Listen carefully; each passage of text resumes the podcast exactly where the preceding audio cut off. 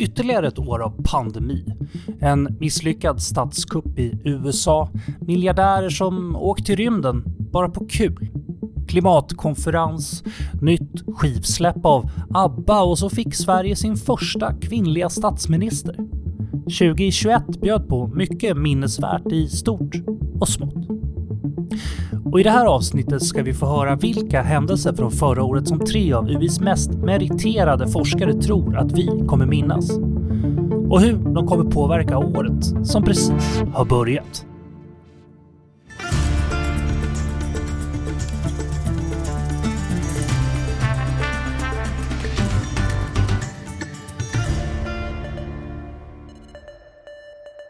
Det här är Utrikespolitiska institutets podd Utblick. Jag heter Jonas Lövenberg. I årets första avsnitt ska vi prata om hur vi kommer minnas 2021. Vi ska även hinna med några rena framtidsspaningar. Det här är inte någon regelrätt årskrönika utan det är snarare en topplista över händelser som mitt All-star-team till gäster har täckt ut. Och här är de. Rosbe Parsi, chef på Mellanöstern och Nordafrika-programmet på UI. Välkommen! Tack så mycket. Jag har inte poddat med dig förut. Du eh, träffade min företrädare här i studion så jag tycker det är jättekul att ha dig här. Detsamma. Eh, och för er som lyssnar så eh, är det också lite Rusbes fel att den här podden finns. Det tycker vi är kalas. Ja, eh, så har vi också Fredrik Löjdqvist, chef för Centrum för Östeuropastudier. Välkommen! Stort tack, mycket roligt att vara här. Ja, kul att ha dig här. Och till sist min mest frekventa gäst, Gunilla Reichel, chef på US program för global politik och säkerhet. Välkommen tillbaks! Tack så mycket! Du börjar bli hemvan här va? Ja, precis. Tredje gången gilt. Tredje gången gilt, men vi hoppas det blir fler gånger. Jag har bett er att tänka ut två händelser var från det gångna året som ni anser vara de mest signifikanta och som har påverkat ja, hela världen på något sätt från de olika bevakningsområden som ni har eller som ni forskar om. Eh, det blir ingen kronologi här så jag tänkte vi ska börja med Fredrik eftersom det är hans första gång i utblick.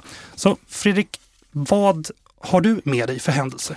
Ja, jag, jag har kanske inte med mig så mycket händelser men två stycken oroande tendenser som vi har sett ja. i, under året. Och det är, första är en, en tilltagande ökande repression, eh, intern repression i både Ryssland och Belarus. Och för det andra eh, en, en, ett ökat aggressivt utrikes och säkerhetspolitiskt agerande, inte minst från Rysslands sida. Och repression för de som lyssnar, det betyder alltså att man tystar sin befolkning? Va? Ja, ett, ett, ett ökat förtryck, att man inte respekterar eh, demokratins eh, spelregler, eh, mänskliga rättigheter och rättsstatens principer. Men ska vi börja med att utveckla det där första lite då. Hur, hur har det här gått till då? Kan du ge exempel? Ja, vi, vi har ju sett eh, under en längre tid både i både Ryssland och eh, i ett land som Belarus att det här förtrycket har ökat över tid men det har kanske blivit extra tydligt och signifikant och i Rysslands fall så är det så att Eh, den väldigt berömda oppositionsledaren Navalny då återvände i, i början av året till eh, eh, Ryssland eh, efter att ha kunnat lämna landet efter att ha blivit förgiftad med ett, eh, ett förbjudet kemiskt stridsmedel.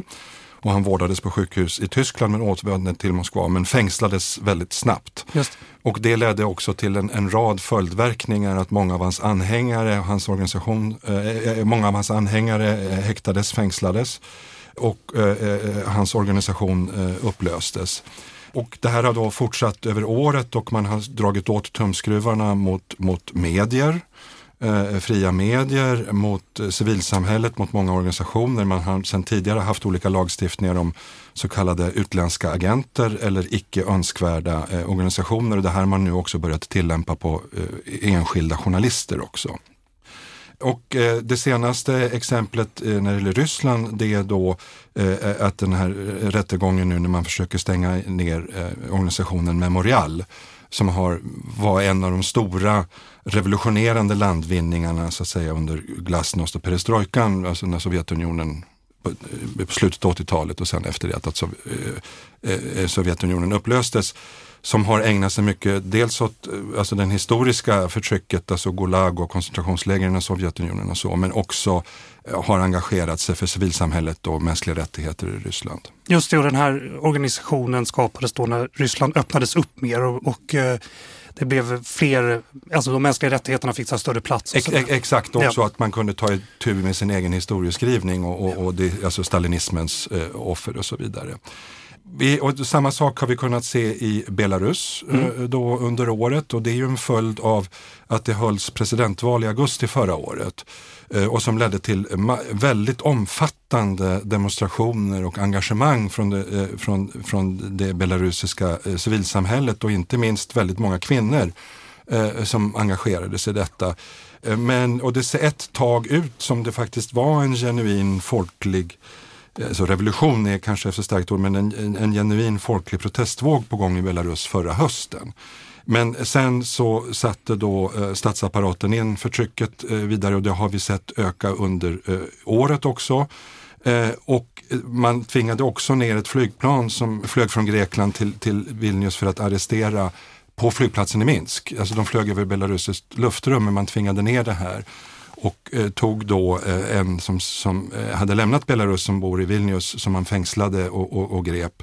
Och efter det så eh, sa också president Lukasjenko och de belarusiska myndigheterna att nu kan vi inte längre garantera olika saker. Vi kan till exempel inte kontrollera vår gräns och det var det som början sen till den här migrations och flyktings eh, styrda migrations och flyktingvågen som har kommit via Belarus där man har försökt slussa in de här människorna i, i Lettland, Litauen och Polen.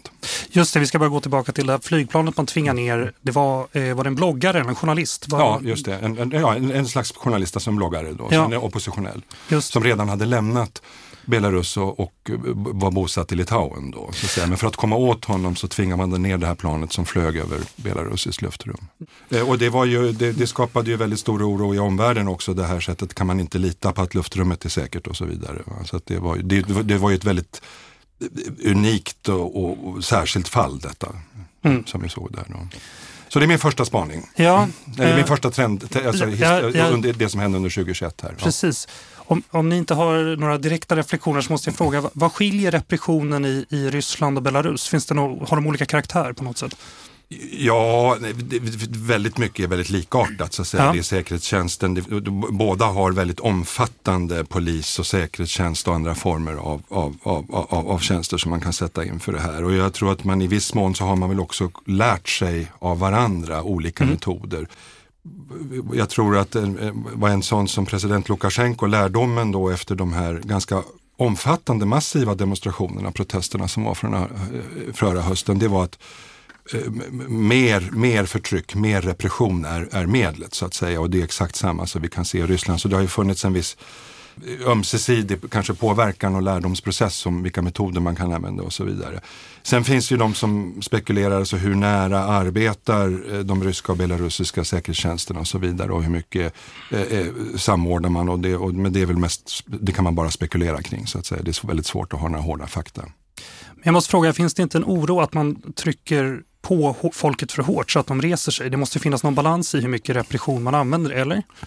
Ja, eh, men jag tror lärdomen hittills är att på kort och medellång sikt så ja. fungerar repressionen. Men det är klart att på lång sikt så urholkar ju det här befolkningens förtroende för, alltså eh, för, för, för statsmakterna, ledningen och, och deras legitimitet urholkas ju väldigt starkt på det här sättet. Yes. Okej, okay, men vi hoppar vidare till din nästa spaning då. Hur det går i Ukraina va? Ja, och det är inte bara Ukraina utan det, den andra är det här den första eh, trenden eller serien av händelser som jag sett över, det rör ju liksom det inrikespolitiska. Ja. Eh, och det andra rör det utrikespolitiska och det är ju framförallt Ryssland här också men även här i, i, i viss mån Belarus. Och det är att man har eh, eh blivit betydligt mer hotfull och eh, aggressiv i sitt beteende. Vi såg att i, i Ryssland hade en ganska massiv militär uppbyggnad längs, längs Ukrainas gränser men också in, i, inuti Ukraina därför att eh, eh, Ryssland har ju annekterat Krim och, och, kontrollerar ju också då de här så kallade utbrytarrepublikerna i Donbass, Luhansk och, mm. och, och, och Donetsk. Eh, och då såg vi ett, ett tydligt militärt hot i, i, i våras eh, som sen lugnade ner sig lite grann och det blev också ett toppmöte mellan Putin och Biden i Genève i juni. Vilket jag tror var något som president Putin eh, eftersträvade. Men man lämnade en hel del eh, eh militärmateriel, vapen, eh, efter sig. Och eh, under hösten här så har vi sett en, en ny och ännu mer oroväckande militär upptrappning och uppbyggnad. Mm. Eh, och för närvarande talar man om att det finns uppgifter kring eh, plus minus ungefär 100 000 man som inte befinner sig särskilt långt från Ukrainas gräns. Men det är inte bara det, utan vi ser också i kombination med att eh, i, i, sina uttalanden och sitt agerande så flyttar, försöker Ryssland här flytta fram positionerna och det är helt uppenbart att man blir mer, man höjer sina anspråk och flyttar målstolparna för det man vill uppnå. Och det här gäller i förhållande till Ukraina. Man vill ha en mer foglig regering, ledning, president i Ukraina. Mm. Men det gäller här också förstås i, i väst där man vill få förståelse framförallt i Washington, för det är det som räknas i Kremls ögon. Att man ska eh, få eh, acceptans för att Ryssland så att säga har en legitim intressesfär, att man har rätt att bestämma eh, över utrikes och säkerhetspolitik i sina grannländer. Och, det, och, och, retoriken har varit rätt högt uppskruvad. Sen har vi en del andra eh, trender som vi har sett där det har pågått också. Vi har haft väldigt höga energipriser i världen. Det är nog svårt att säga att Ryssland är så att säga orsaken eller ligger bakom det utan det är mer komplicerade globala eh, Eh, eh, faktorer som ligger bakom det. Men man ser att Ryssland har instrumentaliserat det här, eh, dragit ner på, på leveranser, inte fyllt på gasbehållarna på det sätt som, som man brukar göra. Och det har väl också varit ett sätt för att signalera att man tycker det är väldigt viktigt att man kan ta i bruk den här eh, omstridda eh, gasledningen Nord Stream 2 då, som i princip är färdigbyggd men ännu inte är, har tagits i bruk. Som, går, alltså som för ja. gas mellan, mellan Ryssland och Tyskland. Ja, precis genom Östersjön. Ja, och som då inte går, som gör att man blir oberoende av gastransit genom Ukraina. Så att allt det här ja. hänger ihop. Jag förstår. Ja, hörni, ni lyssnar på Fredriks uh, spaningar här. Vad, Rosberg, vad, vad, tänker du när du hör det här? Jag bara tänkte på det, din första spaning, när vi diskuterade, du pratade om detta med liksom hur mycket Lukasjenko och Putin, i vilken mån det finns en korrelation eller om det är, bara en, eller om det är till och med en kausalitet. Eh, för det tycker jag är lite intressant därför att eh, en del av de här beteendemönstren, de ser vi ju i många olika länder. Om man pratar om hybridkrigföring och allt vad det nu kan vara för någonting.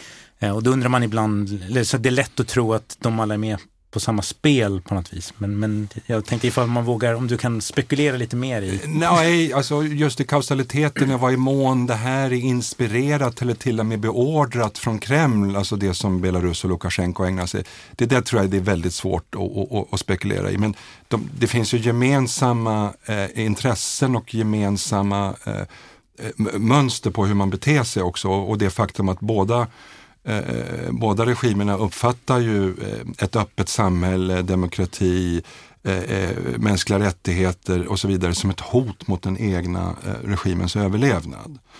Och man ser också, och, också då att det här är idéer som också väst förfäktar. Så att säga. Så att dels ser man så det här som ett inrikespolitiskt problem men man försöker också, åtminstone i retoriken till den egna befolkningen, säga att det är väst som ligger bakom det här. så att säga. Va? Det här är deras, västs hybridkrigföring mm. inom citationstecken mot oss. Och där finns det väldigt likartade berättelser eller narrativ eller mm. retorik mm. kring det här. Men och de här sakerna som du har eh, observerat då från året, hur kommer de, om man drar ut linjerna, hur kommer de påverka det här året, 2022? Ja, det är ju det som är eh, det verkligt oroande här och jag tror att 2022 är för e- Europa, europeisk säkerhet och det man kan kalla den europeiska säkerhetsordningen ett avgörande och ett väldigt kritiskt år. Och det vi ser nu, just nu är ju en militär uppbyggnad som också inte är avslutad och det är helt uppenbart att Ryssland försöker använda det här militära uppbyggnaden, hoten, hotet om en förnyad militär aggression som ett medel för att uppnå eftergifter här mot, dels mot Ukraina men också mot väst och inte minst i, i förhållande till eh, president Biden och den amerikanska administrationen. Men uppbyggnaden är också av ett sådant slag så att det, det är fullt rimligt att anta att man, man, faktiskt kan använda den här. Jag tror inte att det finns något beslut fattat och jag tror man har, håller alla dörrar öppna, alla optioner på bordet. Men man har lagt pistolen på bordet och det mm. finns en definitiv eh, Eh, risk för en förnyad krig och militär eh, eh, som skulle bli väldigt allvarlig och mycket blodig. Och, och, det är också helt klart att det ukrainska folket och den ukrainska armén kommer att försvara sig. Och sen för att knyta ihop de här två tendenserna så är det ju så att vi ser ju här ett ömsesidigt förhållande, det är två sidor av samma mynt, den här interna repressionen, förtrycket och den externa aggressionen. Och hur de här förstärker varandra. Och det är det som är så oroväckande och det är det som just är utmaningen och hotet mot det som vi brukar kalla för den europeiska säkerhetsordningen som bygger då dels på folkrätten men också de här grundläggande principerna från, från OSSE, Organisationen för säkerhet och samarbete i Europa, från Helsingforsslutakten och, och, och Parisstadgan.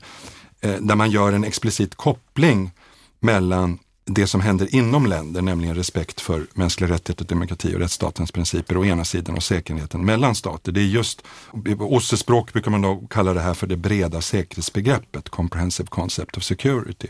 Och det är just ser att vi ser en precis motsatt mm.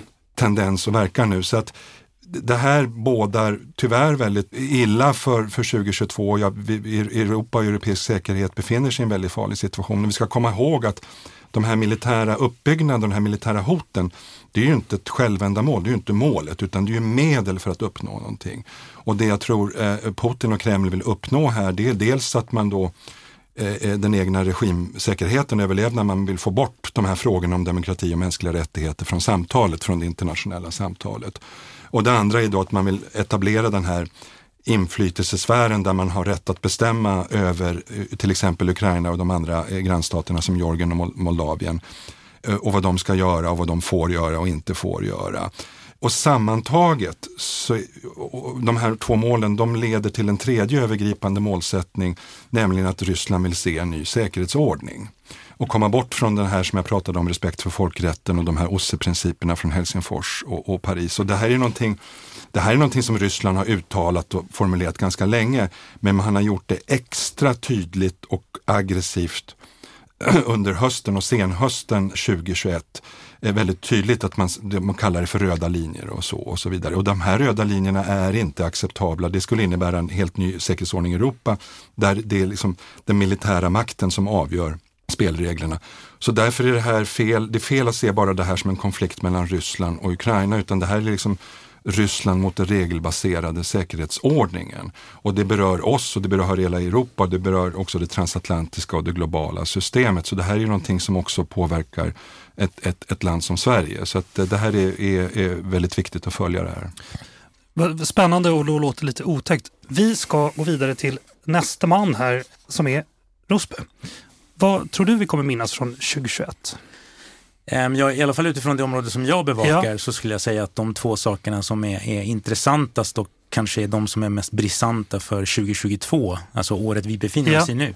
Det är ju Afghanistan, eh, det vill säga kollapsen av ett, vad ska vi kalla det för, ett kvasi-imperialt projekt med diverse mänskliga rättighetsfernissa eh, eller kanske till och med eh, ärligt uppsåt, men som misslyckades kapitalt. Uh, Förlåt för att vara tydlig, ja. och det handlar om USAs närvaro Precis. i Afghanistan. Så, så vad det handlar om är att, att, under 20 års tid har USA och en del andra västländer, men framförallt USA, då gått in för att göra om Afghanistan mm. uh, och göra det till en fungerande demokrati, eller i alla fall en stat med mycket större medborgerliga rättigheter för befolkningen. Och det har man öst enorma mängder miljarder dollar i, i olika former. Uh, och ändå hamnar i en situation som resulterar i att man på kort sikt förlorar allt inflytande och den staten man har hjälpt till att bygga upp eh, i princip imploderar. Så det, ur det kan man så att säga dra flera olika lärdomar. Man kan säga att det är ingen idé att göra sådana saker, men framförallt kanske man ska läsa det också nu i skuggan av vad är USAs framtida potentiella roll i den här delen av världen och världen i stort. Eh, samtidigt som då Kina tonar upp sig och Kina har en mycket mer, vad ska vi kalla det för, en en mycket mer plånboksbaserad inställning till hur man ska framhäva sig. Medan USA har haft hela spektrumet från handel, banker till vapen, militärbaser och så vidare. Och det kostar mycket, mycket mer. Så den ena. Och den andra är kopplat till det till viss del och det handlar då om konfrontationen med Iran. Mm. Som då handlar om huruvida Iran är på väg eller skulle kunna skaffa sig kärnvapen och hur man försökte reglera och lyckades så att säga fånga in och boxa in det här kärnenergiprogrammet i ett avtal där USA såklart var en absolut nödvändig del. Och så visar det sig att det är inte som alla tror, det är inte Iran som lämnar avtalet, utan det är USA som lämnar avtalet. Och nu försöker de på något vis gå tillbaka till avtalet och det ser mycket, mycket mörkt ut. Eh, och då handlar det ju delvis om amerikansk trovärdighet, det vill säga vad är det för vits med att skriva under någonting med en amerikansk president som kan bli bortvald om två år i det här laget eh, och eh, då kommer nästa och så är 180 grader åt andra hållet. Men om vi börjar där då, hade Biden kunnat välja att stanna i Afghanistan?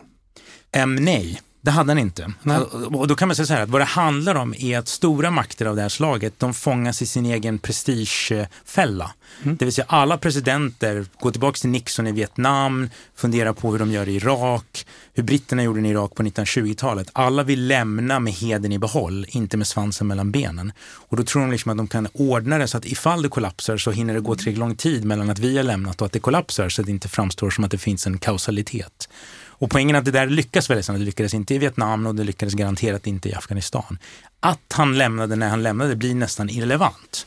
Att han måste lämna var klart, om inte annat därför att det var det enda som Donald Trump liksom lyckades fånga rätt och det är att de flesta amerikaner vet inte var Afghanistan ligger och de är inte intresserade av att få sina söner ditskickade eller sina döttrar för den delen. Eh, så att det fanns det liksom inget politiskt stöd för överhuvudtaget. Så att förr eller senare och gärna ju förr desto bättre var man tvungen att lämna. Och det här har ju Trump dessutom krattat manegen för han hade satt ett datum, helt, hux flux för sig själv. Liksom. Precis, men och det här utlovade datumet, hur påverkar det hur snabbt det här händelseförloppet gick sen? För... Ja, det är det är som någon, någon klyftig människa uttryckte, liksom, amerikanerna har klockor men af afghanerna har tiden.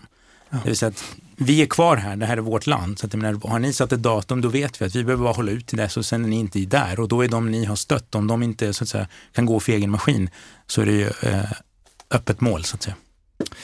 Okej, eh, nästa grej du kollar på där som jag tycker är intressant med eh, kärnvapenavtalet. Kärnteknikavtalet, hur heter Ja. det? Just det.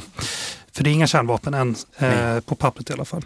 Alltså, är det inte så att Israels dåvarande premiärminister Netanyahu, som alltså när Trump beslutade att USA skulle dra sig ur, var med och påverkade det ganska mycket. Men hur ser israelerna på det här nu? Ja, man kan säga att den här regionen är full av trötta ironier och det här är en Ja. av de ironierna att eh, Netanyahu åkte till USA mot all så att säga, diplomatisk sed och dök upp i amerikanska kongressen och talade emot avtalet när Obama hade slutit det utan att tala om för den amerikanska presidenten att han var där. Eh, och detta var ju då ett försök att få amerikanska kongressen att- förstöra avtalet innan det hade trätt i kraft. Eh, och då var Netanyahu mycket tydlig med och en del av säkerhetsetablissemanget som stod på hans sida att det här var ett farligt avtal, det var inte ett bra avtal, bla bla bla. Eh, nu så står de alla på kö för att skriva små op-eds där de förklarar hur bra det var att det fanns ett avtal och hur farligt det är att det inte finns ett avtal. Så att uppenbarligen så, så eftertänksamhetens kranka blekhet har slagit in i Israel trots att många i deras eget etablissemang redan tidigare hade sagt att det här är inte ett perfekt avtal men det är garanterat bättre än inget avtal.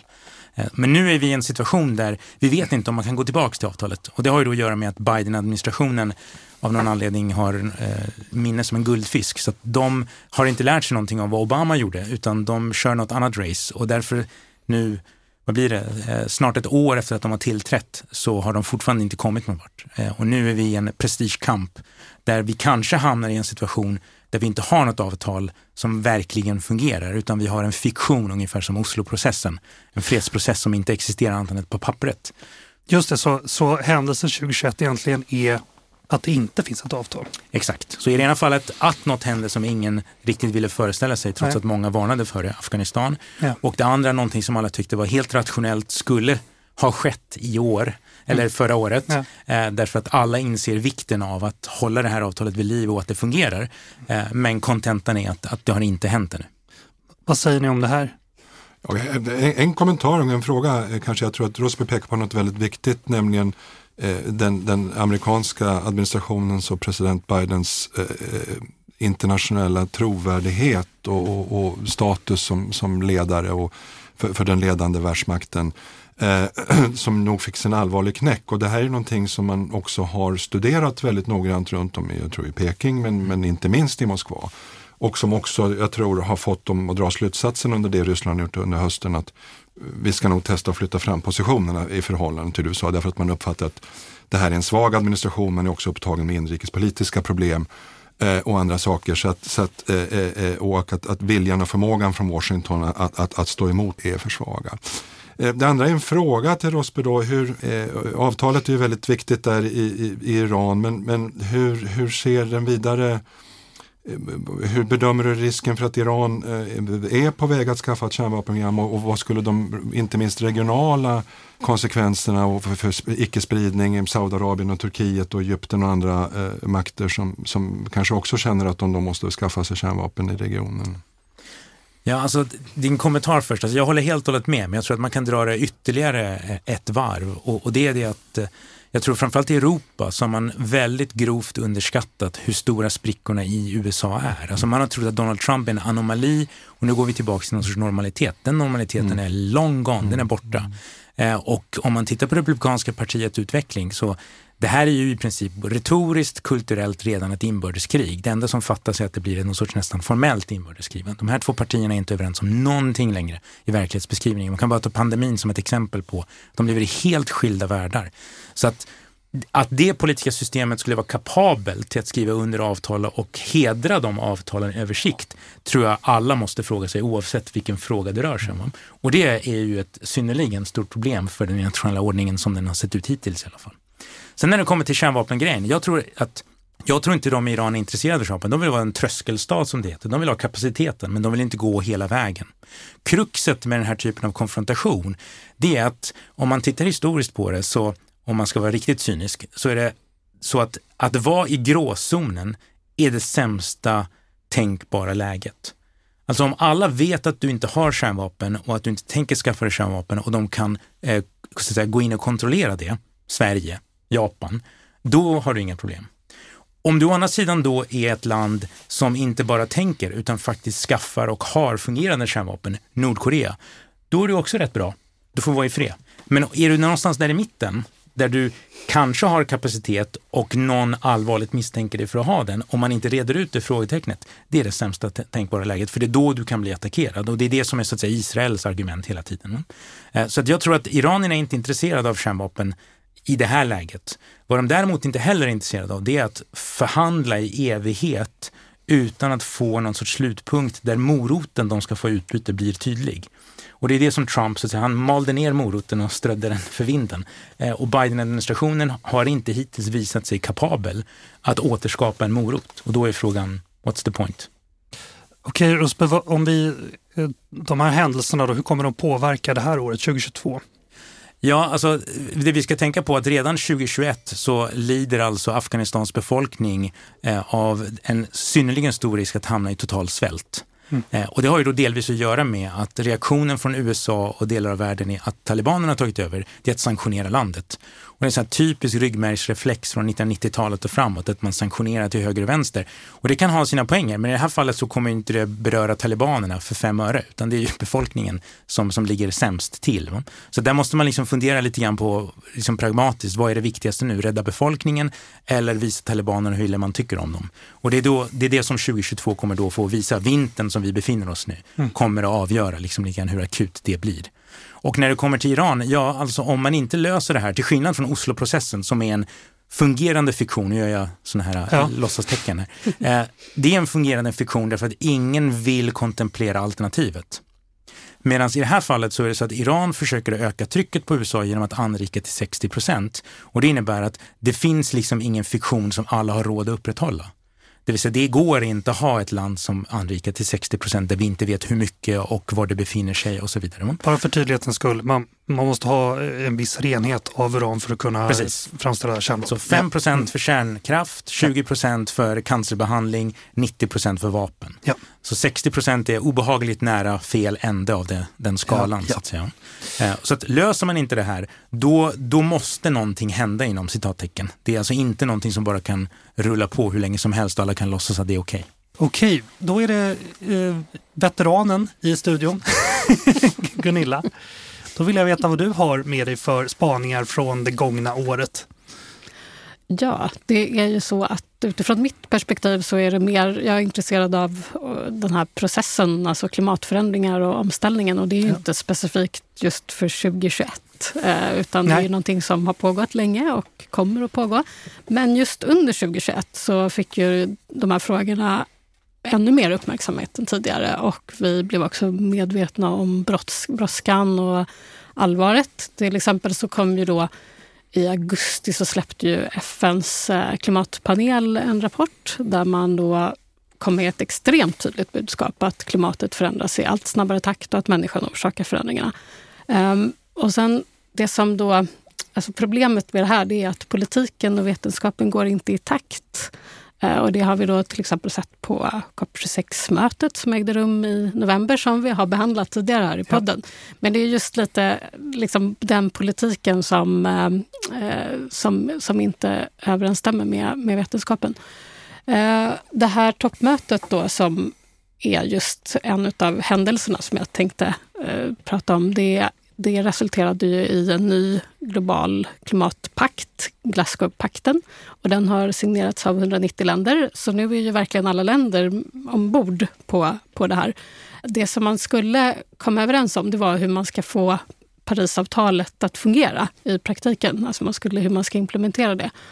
Och det kan man väl säga att man lyckades till, i någon mån så lyckades man få de här reglerna på plats. Och det handlar ju om hur, hur man ska göra det mer transparent och hur man ska kunna jämföra eh, ländernas klimatambitioner och så.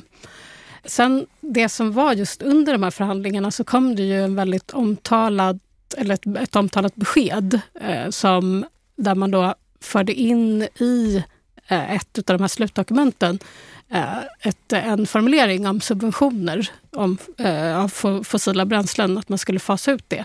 Och det kan ju låta lite paradoxalt att man för första gången i klimatförhandlingar har, ett, har fossila bränslen med i ett sånt textdokument. Eh, och, eh, men, men det var i alla fall det som hände. Och, ehm, det som sen hände i förhandlingarna det var att det blev eh, till sist en ganska urvattnad formulering. Och det är ja, det var ju Indien och Kina som hade invändningar och säkert ett par länder bakom eh, i liksom hemlig, hemliga förhandlingsrum. Men eh, det, som, det positiva med det här är att man då nämner fossila bränslen och att man kan bygga vidare på det här i kommande förhandlingar. Sen var det en annan positiv sak i det här mötet, det var ju att eh, man ska, länderna ska komma in med eh, förstärkta klimatplaner redan nästa år. Så att man har liksom insett att de här ambitionsnivån behöver, och takten behöver öka. Så, att, eh, så att det var väl, man kan säga att COP26 var en diplomatisk framgång eh, och eh, det gör det möjligt att öka ambitionerna vartefter. Men fortfarande så är det här väldigt långt ifrån vad vetenskapen säger och civilsamhället säger vad, vad vi behöver göra. Så att det är hela tiden den där diskrepansen mellan vetenskap och politik som syns, som fortsätter att synas även från det här mötet. Men okej, okay, men blev det bra eller dåligt då? Ja, men det är det som inte går att säga så, Nej, att det är bra eller dåligt. Det är, det är som sagt eh, mm. diplomatiskt väldigt svårt. Det här var ju ett möte som ägde rum efter, eh, liksom, eller under en pandemi. Så det finns vissa rättvisefrågor och eh, det brittiska ordförandeskapet lyckades väldigt bra med att hantera det ändå under en sån svår situation. Och sen har man också lyckats hålla liv i det här 1,5 graders målet som man strävar efter.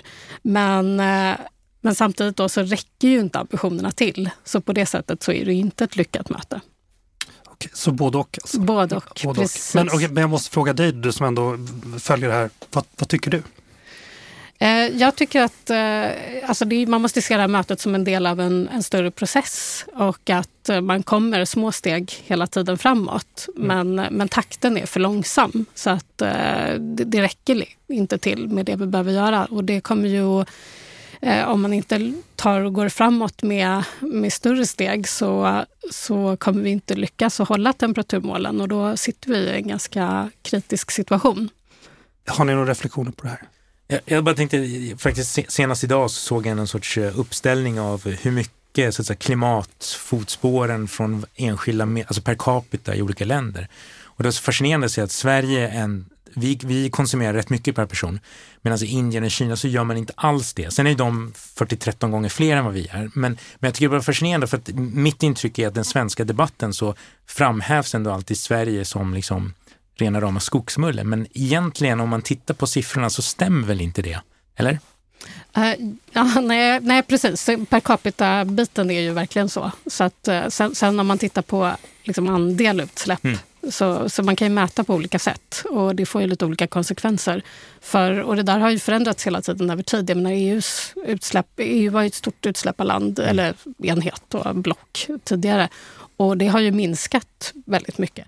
Men samtidigt då per capita. Så, och där kommer ju den här rättvisediskussionen mm. in som är så central för klimatfrågor. Och det har ju varit centralt i klimatdiplomatin eh, liksom hela tiden. Det är ju det som är kärnfrågan. Hur, hur tar man också hänsyn till ut, alltså historiska utsläpp? Hur tar man hänsyn till de länder som har eh, utvecklats på, kol, alltså på utsläpps... Eh, liksom, när det var fritt fram, så att säga. Mm. Och, eh, och de som vill göra det nu. Eh, så den, den, frågan finns ju hela tiden där och den har inte något enkelt svar. Men Sverige är ju framgångsrikt i att driva, alltså driva på det här och att, att sätta ambitiösa mål. Och det påverkar ju också. Så det, det finns ju en debatt här som är ganska mång, eh, alltså det finns många bitar i den. Och hade du något, något mer där om energi? Var, ja, precis. Ja, för den andra, den, ja. precis, jag sa ju bara den första. Ja. det var COP26-mötet. Ja. Den andra biten, det är lite den andra sidan av det här med omställning och klimatfrågan. Och det är ju den här liksom att, att, att världen samtidigt som vi försökte komma framåt i klimatambitionerna så upplever vi en, eller pågår en energikris då. Och eh, det här gör ju att det blir väldigt mycket svårare att att eh, genomföra klimatåtgärder. Så det är ju verkligen en, en mot en bakgrund av, eh, av, eh, som är ganska problematiskt. Och den energikrisen som vi ser nu, som, den, den beskrivs ju som en av de mest allvarliga sedan 1970-talets eh, oljekriser. Så att det, det, det, är lite mer så att den, den har väl kanske varit lite mer smygande. Så. Och eh, vi kommer väl se hur 2022 här eh, utvecklar sig. Men, men det som det handlar om det är att det, är brist på energi helt enkelt och att den här bristen beror på flera orsaker. Eh, Fredrik var ju inne lite på geopolitik och taktik från Ryssland. Eh, men precis som du påpekade så är det bara en bit utav det. Och det, här, det var ju så att efter pandemin så öppnade ju världen upp eh, nästan samtidigt. Och det här ledde ju då till att man fick en snabb ökad global efterfrågan på energi samtidigt då som man hade olika väderfaktorer. Alltså vintern 2021 var, var väldigt ovanligt kall. Sommaren 2021 var ovanligt varm.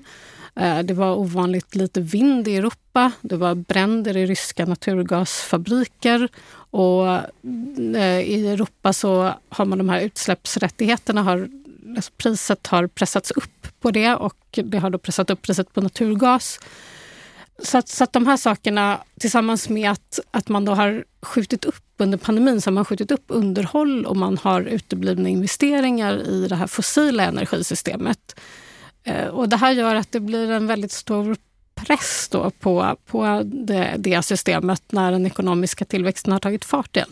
Och samtidigt då så försöker man genomföra en omställning där, där man eh, får, alltså att man, man måste liksom få, få fart på det här med ren energi helt enkelt. Och det, det liksom finns ett glapp här emellan.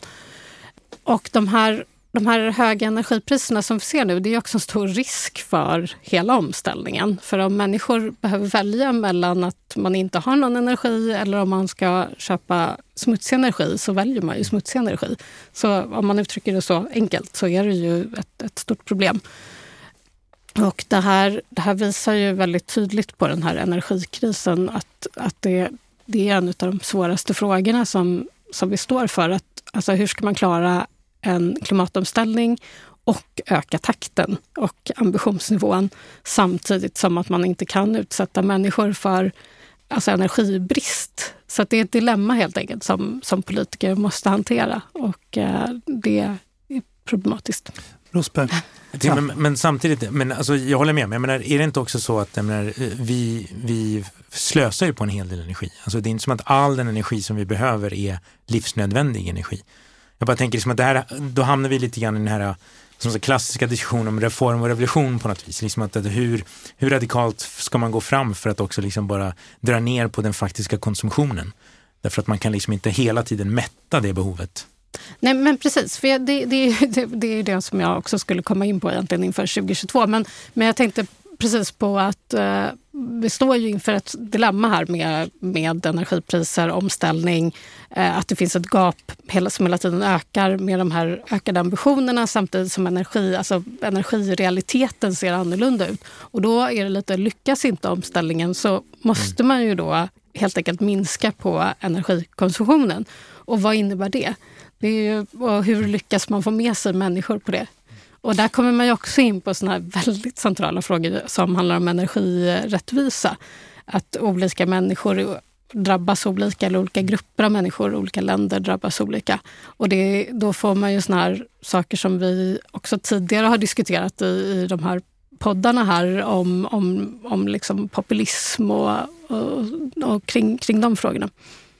Fredrik, vad ja, jag bara, Det här är ju jättespännande och också kopplingen mellan, mellan klimat, eh, miljö och, och energifrågan. Vi bara konstaterar också, varken Kinas eller Rysslands deltag, eh, ledare deltog ju också i Glasgow. Och, och, att Putin då efteråt också sa att vi kommer inte att tillåta att USA och EU så att säga sätter spelreglerna för, för klimatarbetet och så vidare.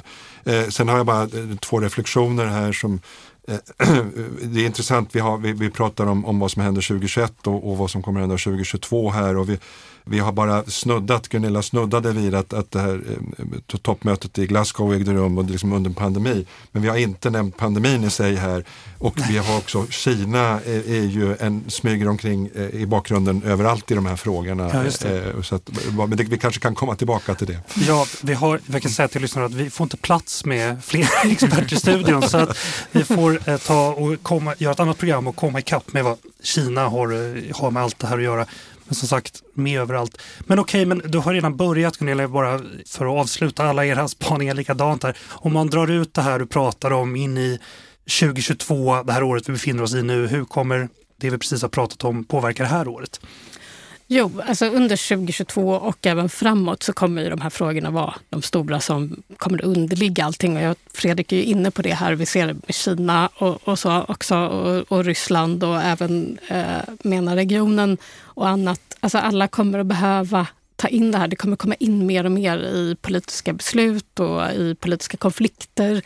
Så att det, det, det blir en sån central... Alltså det är inte en fråga heller, utan det är en stor process det här. som inte, Det kan inte lösas genom en förhandlingsrunda eller någonting, utan man måste få in det på olika sätt, eller den kommer att komma in på olika sätt. 2022 så är det ju flera saker som händer som, som, är, som spelar in i det här. Bland annat så kommer ju IPCC att släppa två nya delrapporter, liksom den som kom i augusti i 2021 eh, som kommer att återigen sätta upp det här på agendan. Då kommer man prata om anpassning, eh, klimatanpassning, eh, vad som behövs för att vi ska klara det som redan händer, klimatförändringen som redan drabbar oss. Eh, det här kommer ju att skärpa tonläget ytterligare i, eh, i politiken och också civilsamhället kommer också att argumentera hårdare.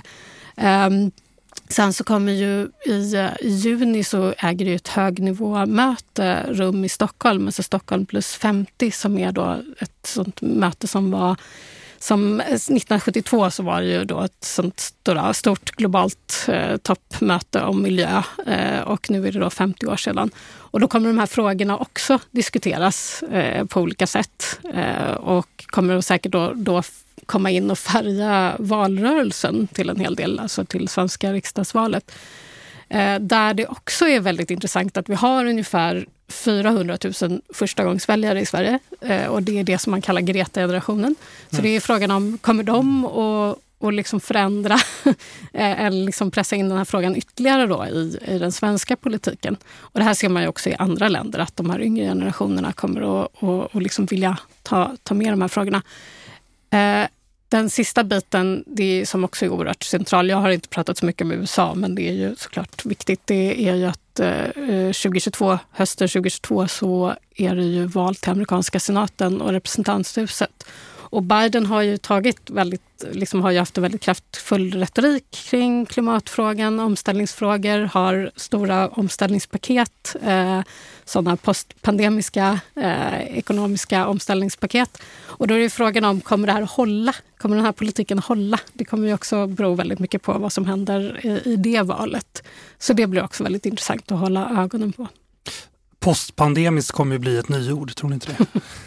Om, om vi upplever det. Ja, precis. Ja, precis. Om vi kommer dit. Ja. Um, hörni, tiden går här. Eh, Jag som sitter här och lyssnar på er som kan, jag hör ju och för en uppmärksam lyssnare kanske hur alla de här små sakerna krokar i varandra. Det är väldigt spännande att höra. Um, men du, jag tycker också det är lite spännande vad folk på stan, eh, folk i största allmänhet som inte jobbar med det här kommer att minnas från förra året. Så att eh, Hedvig Pettersson och Sofie Berglund från UI gav sig ut på stan för att ställa frågan till stockholmarna. Det är Hedvig som håller i mikrofonen. Vi lyssnar. Ditt namn? Raimund. Vad är den mest minnesvärda händelsen från 2021? Att Trump inte kom till makten. Ann Henriksson heter jag. Sahid Qureshi. Ja, det är väl covid som pågår, pågår och det är det man tänker på. Ja. Det är samma sak för mig också. Det är covid. Fastnar man inte får. Ja. Det är covid fortfarande. 2020 var det ju. Ja. Avsevärt mycket mer än 2021 men fortfarande. Det är helt sant. Men sen också kvinnlig statsminister, det måste vi säga också. Och det, där var ju ja, en det- händelse. Ja. Ja, Bravo! mm, ja, det. Där, där, där var det bra. Kenneth heter jag. Vi undrar vilken händelse under 2021 som du minns mest? Lite rent där utrikespolitiskt kanske? Jag måste tänka efter. Det är så mycket som har hänt utrikes. Vad är det för någonting? Så det som jag kommer på nu. Eh, det är fortfarande tjafset mellan Frankrike och England vad gäller EU. Och sen är det en till. Sen är det Putins aggression mot västvärlden. De två. Pernilla. Malin. Ja, framförallt är det covid-19. Ehm, Precis. och sen om man ska prata vad sa du, politiskt? Ja. Ja, det, Ja, är det väl... stormiga eh, politiken som har varit tänker jag. Precis. Den kommer man ju verkligen att minnas. Och Bush. Eh, eller vad säger jag? Nej. Förlåt, var. Trump skulle jag säga. eh, precis. det var väl 2021, Ja, eller? Det var ju i år. Ja, det var det ju. Ja, det är ju jättestort. Det kommer man ju verkligen minnas. Det var ju världsomvälvande. Superviktigt. Ja, Elisabeth? Thomas? Det man tänker på är ju det här spänningarna med eh, Ryssland, Ukraina. Det är den Ja. som jag tänker på Ja. spontant. Ja, det är också ganska närtid. Ja, precis. ja men det är det ju kanske. Ja. Som är lite oroande. Christer. Jag vet inte. Det, det går fort idag. Du registrerar, hinner inte registrera så jävla mycket.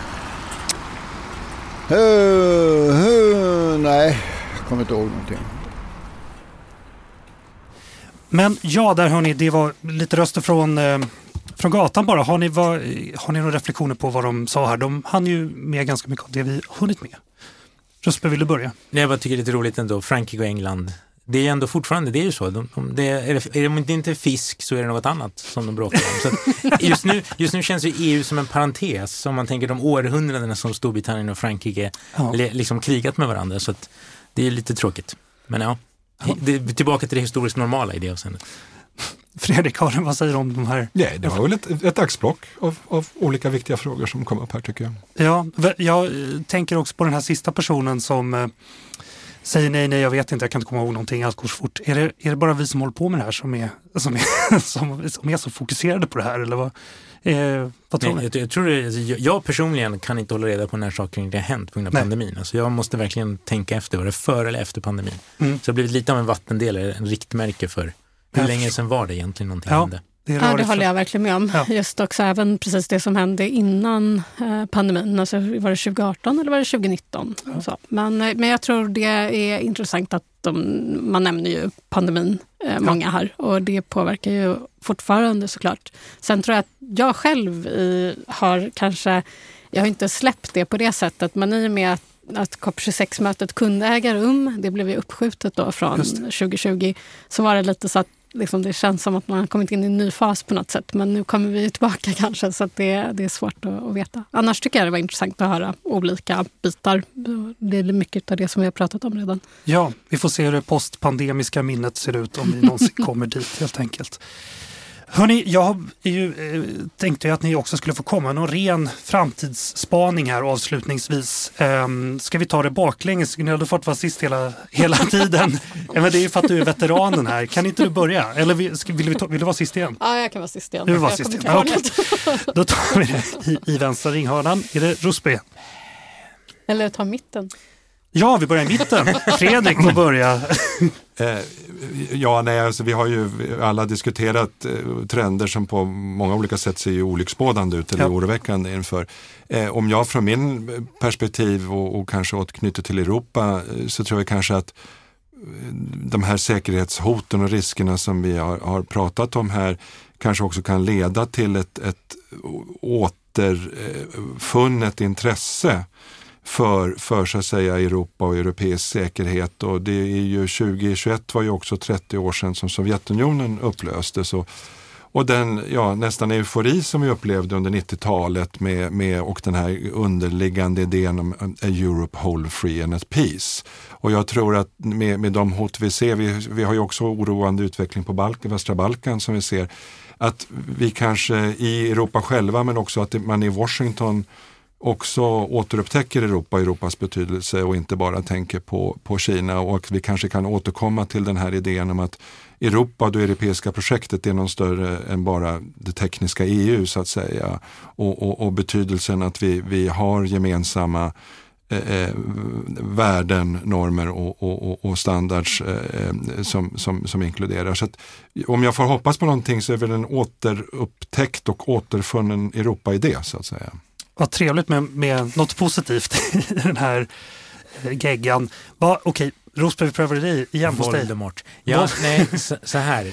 En, en negativ och en positiv. Ja, visst, positiv. Den negativa att min stora oro är faktiskt inte europeisk utrikespolitik. Min stora oro är europeisk inrikespolitik. Jag är mm. mycket orolig för vad som kommer finnas kvar av det vi tänker på som demokrati i mm. substans bortsett från det formella. Liksom.